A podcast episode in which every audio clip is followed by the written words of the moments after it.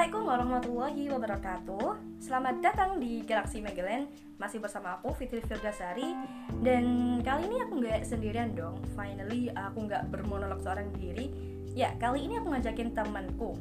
Kenalan dulu deh siapa dia? Halo Mbak Aisyah.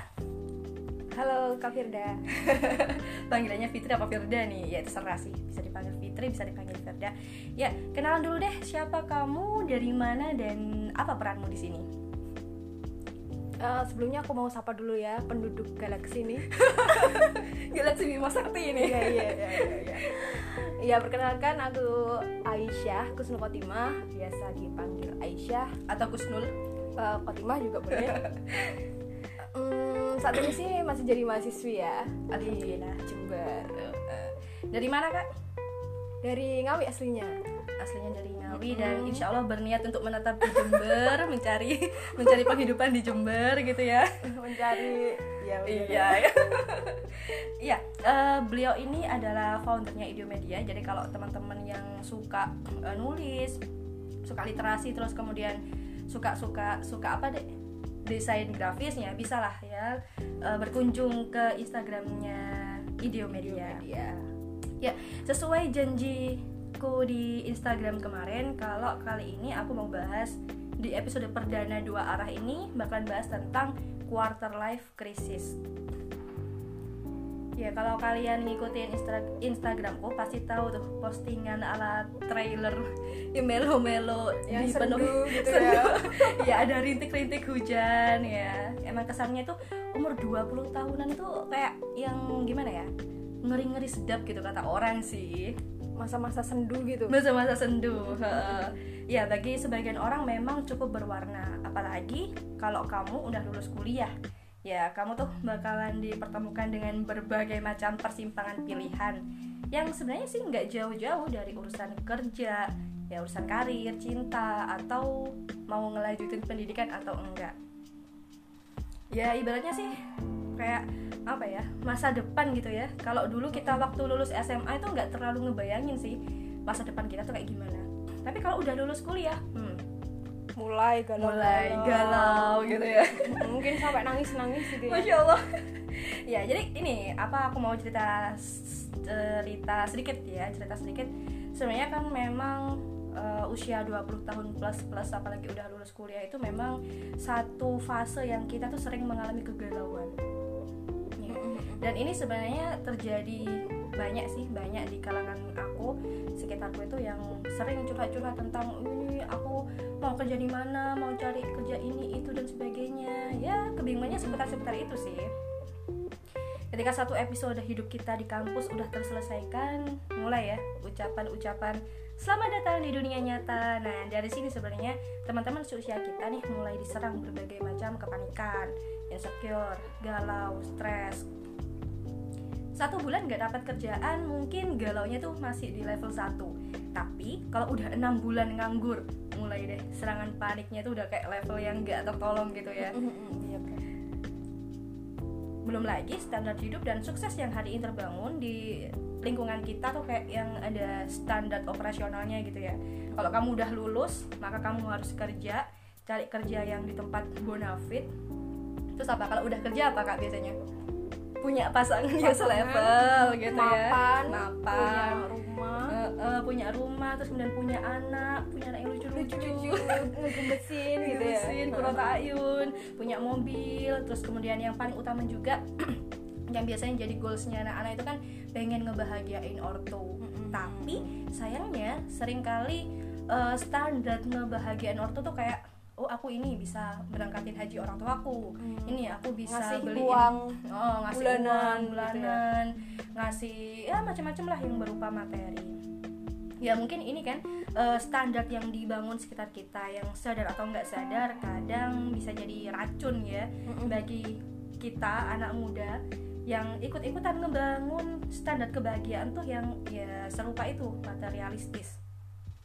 jadi ketika mereka nggak dapat itu wajar sih kalau kemudian eh, hari ini tuh banyak generasi-generasi galau yang galaunya tuh bukan galau biasa tapi sampai tataran stres. Gitu nggak sih? Ini kalau eh, fakta di circle gue ya eh, circle aku ya. Kan ini kebiasaan jadi gue. Sok kota banget ya. Ya uh, kebiasaan di circle aku memang seringnya seperti itu. Kalau udah lulus ya pasti curhatannya kayak gitu-gitu sih sebenarnya. Kalau di lingkungan pertemanan Kak Isyah gimana nih Oh ini kan ada yang udah lulus ada yang belum ya? Iya. Tadi kalau udah lulus itu galau, kalau aku yang belum lulus temen-temen juga galau, jadi sama-sama galau ya. Soalnya us usianya udah 20 plus plus. Yeah.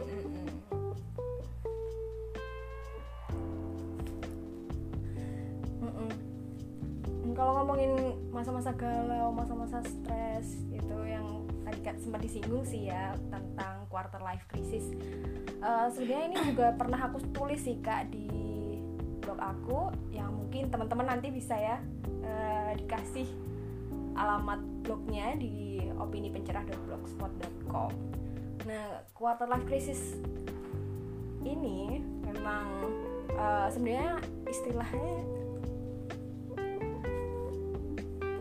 nah quarter life crisis ini uh, istilah yang nggak berubah banget sih. Cuman ini kan lahir dari orang-orang barat ya sebenarnya. Kalau dulu masa-masanya Rasul dan para sahabat kan nggak ada namanya krisis-krisisan itu kan nggak ada. Jadi sesuai namanya quarter life. Jadi ini nih sekitaran usia 20 25-an berarti ya kayak kita-kita gitu ya. Entah dia itu udah lulus apa belum lulus. Makanya ini kebanyakan mereka di usia seperti itu dianggap masa-masa krisis, galau, terus bingung, cemas, ragu, terus uh, mulai bertanya gitu tentang masa depannya, tujuan hidupnya gitu. Dan hmm. ini nih kita sering lihat faktanya uh, anak-anak muda yang kayak gitu bahkan saking stresnya bisa sampai berujung pada bunuh diri gitu ya kalau misalnya kita lihat di uh, berita-berita sekarang ini. Iya, kalau lihat ini ya banyak juga berita-berita uh, usia-usia kita itu mengalami krisis jati diri gitu ya tidak memahami aku tuh siapa gitu ya, ya masa sih gitu ya. udah 20 plus plus tapi kamu nggak tahu kamu siapa cuma yeah. tahu namanya dia uh, bahkan ini sempat sempat aku buka di web ya di artikel di internet itu uh, mahasiswa mana gitu ya. Kalau usia rentang 20 tahunan itu emang banyak yang kemudian saking stresnya mikirnya itu ke suicide apa ke bunuh diri gitu ya. Kan di Jember juga pernah ya. Oh iya di mana? Di sekitaran unit sih ini kan pernah kita dulu. Oh kan kita, kita.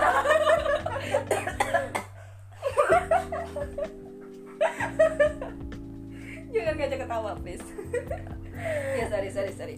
Ya di masa-masa awal aku ke Jember itu kan juga sempet sempet viral kan. Uh, ada mahasiswa yang di daerah situ tuh daerah sini juga.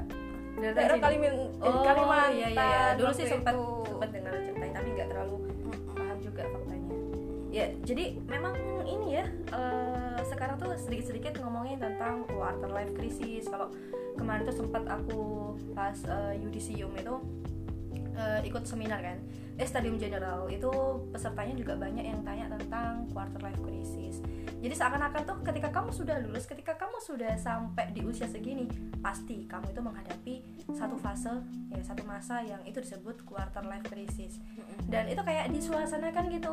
Kalau kamu di usia segini kamu pasti menghadapi kehidupan yang sangat rentan. Ya nah ini yang kemudian uh, apa menjadi pertanyaan juga ya. Sebenarnya seberapa istimewa sih keberadaan fase ini apakah setiap orang bakal dan pasti menemui masa krisis di usia 20-annya hmm iya ya. Kalau tadi kan sempat aku singgung ya kalau quarter life crisis ini nih uh, sebenarnya istilah yang lahir dari orang-orang barat. Jadi uh, yang mendefinisikan krisis di masa usi, uh, usia 20-25an ini ya mereka. Karena memang pada faktanya uh, di barat ini mereka di usia-usia seperti itu memang banyak yang stres. Bahkan kan um, kalau kita lihat negara-negara maju sekarang ini kan bukan meskipun teknologinya maju tapi orang-orangnya juga banyak yang frustasi bunuh diri kayak gitu kan. Tapi kalau kita lihat fakta di lingkungan kita ternyata yang galau, yang bingung, yang cemas mas atau yang menghadapi masalah-masalah kehidupan itu nggak cuma usia 20 25an aja.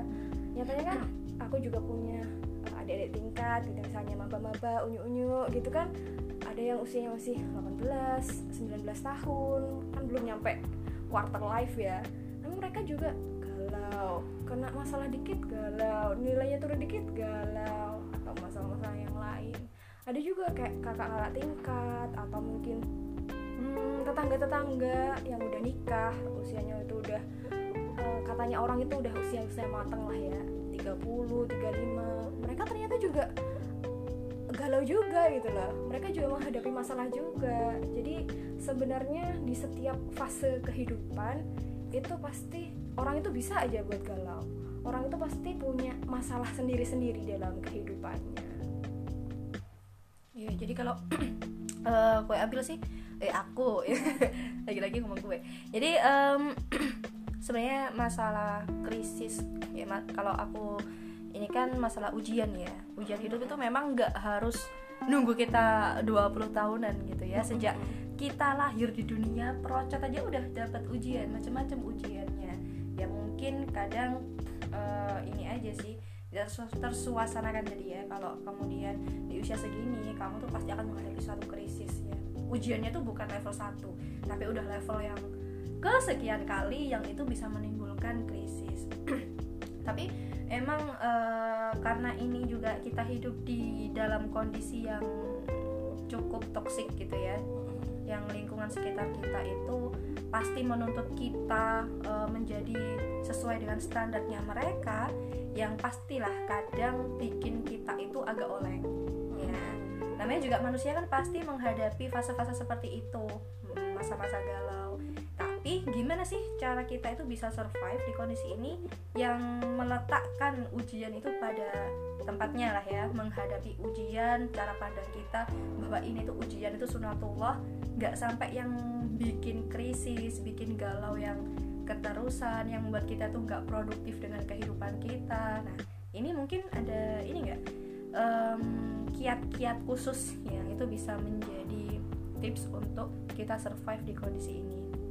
Hmm, ya, ya, ya. tapi mungkin sebelum ke situ kita butuh untuk uh, mendudukkan kembali ya bahwa uh, setiap orang itu di semua usia itu bisa aja mengalami krisis. Tapi semua orang juga bisa sebenarnya untuk survive dari krisis itu. Kalau uh, judul di artikel aku yang aku tulis di blog itu uh, intinya nggak semua orang itu harus krisis di masa-masa 20-25an jadi kalau bahasanya uh, kita sebagai seorang muslim itu di setiap fase tuh pasti ada ujiannya kayak yang dibilang sama Kak Firda tadi gitu kan. Makanya kita harus punya uh, kuncinya supaya kita bisa survive di era yang ini benar-benar rusak ini ya yang benar-benar bikin kita itu memang galau dan mungkin punya banyak tuntutan. Yang pertama yang harus kita lakukan itu adalah kita dudukkan kembali bahwa setiap orang yang hidup itu pasti akan diuji. Kalau uh, katanya Allah di Al-Quran kan gitu ya jadi kita tuh nggak perlu kaget gitu ketika kita hidup terus kemudian ada ujian kalau misalnya kita nggak pengen dapat ujian ya berarti nggak usah hidup gitu ya. Ya mati pun juga nanti ada ujian ya. Di nanti, nanti ya. Bahkan kan itu masa yang paling mendebarkan ya dibandingkan dengan kehidupan dunia. Iya jadi ini yang perlu kita dudukkan. Yang pertama kita ini pasti dapat ujian di setiap fasenya. Jadi kita uh, harus menyadari itu. Dan yang kedua akidah kita itu harus kuat. Apalagi kita sebagai seorang muslim sebagai seorang pemuda khususnya yang kita itu adalah pemimpin-pemimpin di masa depan kita harus punya pondasi yang kuat. Karena akidah ini kan pondasi beratnya kalau misalkan akidah kita itu kuat maka kita bisa menyelesaikan permasalahan-permasalahan di dalam hidup. Tapi kalau misalkan enggak ya ujung-ujungnya tadi ya stres galau gitu kita kan bisa ya lihat uh, kenapa orang-orang barat uh, justru banyak yang stres. Sementara kalau kita bandingin sama masa-masa Rasul dulu masa-masa kekhilafahan juga meskipun kondisi kaum muslimin itu mungkin sulit ada yang disiksa ada yang nggak punya harta ada yang mereka harus ninggalin keluarganya untuk perang tapi mereka itu bisa struggle dalam kondisi itu. Artinya nggak krisis gitu loh. Ya itu kan karena mereka punya akidah yang kuat tadi dan buat nguatin akidah nih nggak ada cara lain selain memahami Islam lebih dalam hmm. karena Islam ini kan kalau kita benar-benar paham bisa mensolusi seluruh kehidupan kita masalahnya kan sekarang kalau uh, anak muda ngaji Islam itu kayak kayaknya nggak ada waktu gitu nggak sih? Ya, ya, ya, tapi ada waktu buat ngopi nongkrong hmm. gitu ya. Ya karena itu yang enak kak. Ya, kalau ngaji kan bikin ngantuk bosan gitu ya. kalau apa namanya nongkrong nongkrong sambil ngomongin orang gitu kan waduh lebih itu asik ya.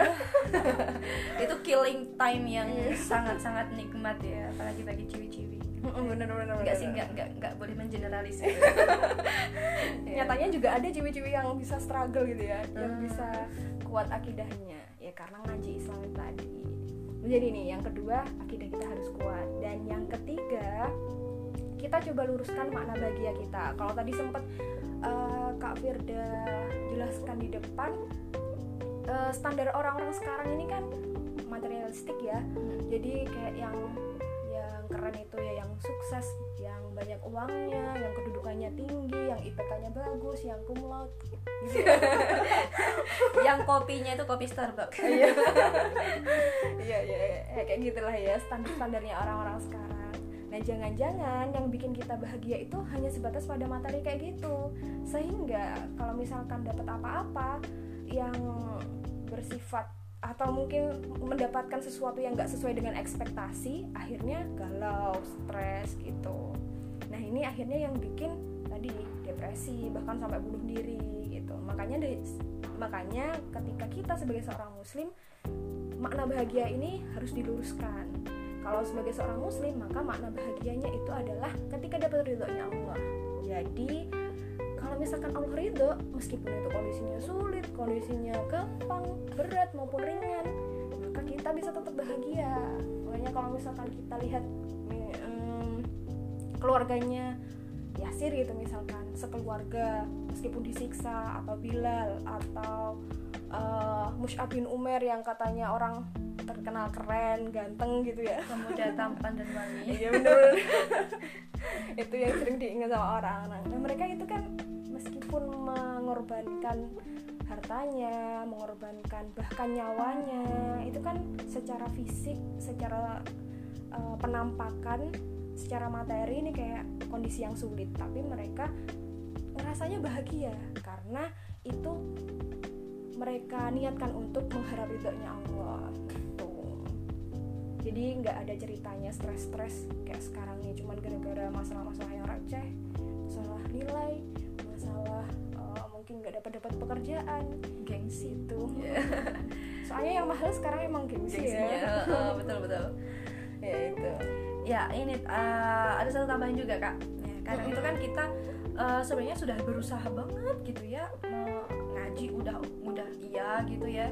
Terus kemudian baca-baca buku islami itu juga iya baca-baca kisah sahabat itu juga iya tapi ternyata kadang tuh yang bikin toxic itu yang bikin standar kebahagiaan kita itu agak-agak oleng ya agak-agak ambiar itu karena kita sering mengkonsumsi apa ya faktor-faktor eksternal mm -hmm. yang membuat standar kebahagiaan kita itu akhirnya berubah berubah gitu loh yeah. ya kadang ini sih pernah nggak sih uh, kakak sendiri ngerasa kalau misalkan kita lagi banyak kehidupannya di Instagram. Itu kadang mikir di enak ya bisa makan ini enak ya bisa liburan ke sini bisa ya gitulah ya, ya punya teman lingkaran pertemanan yang hahaha gitu kayaknya seru banget gitu.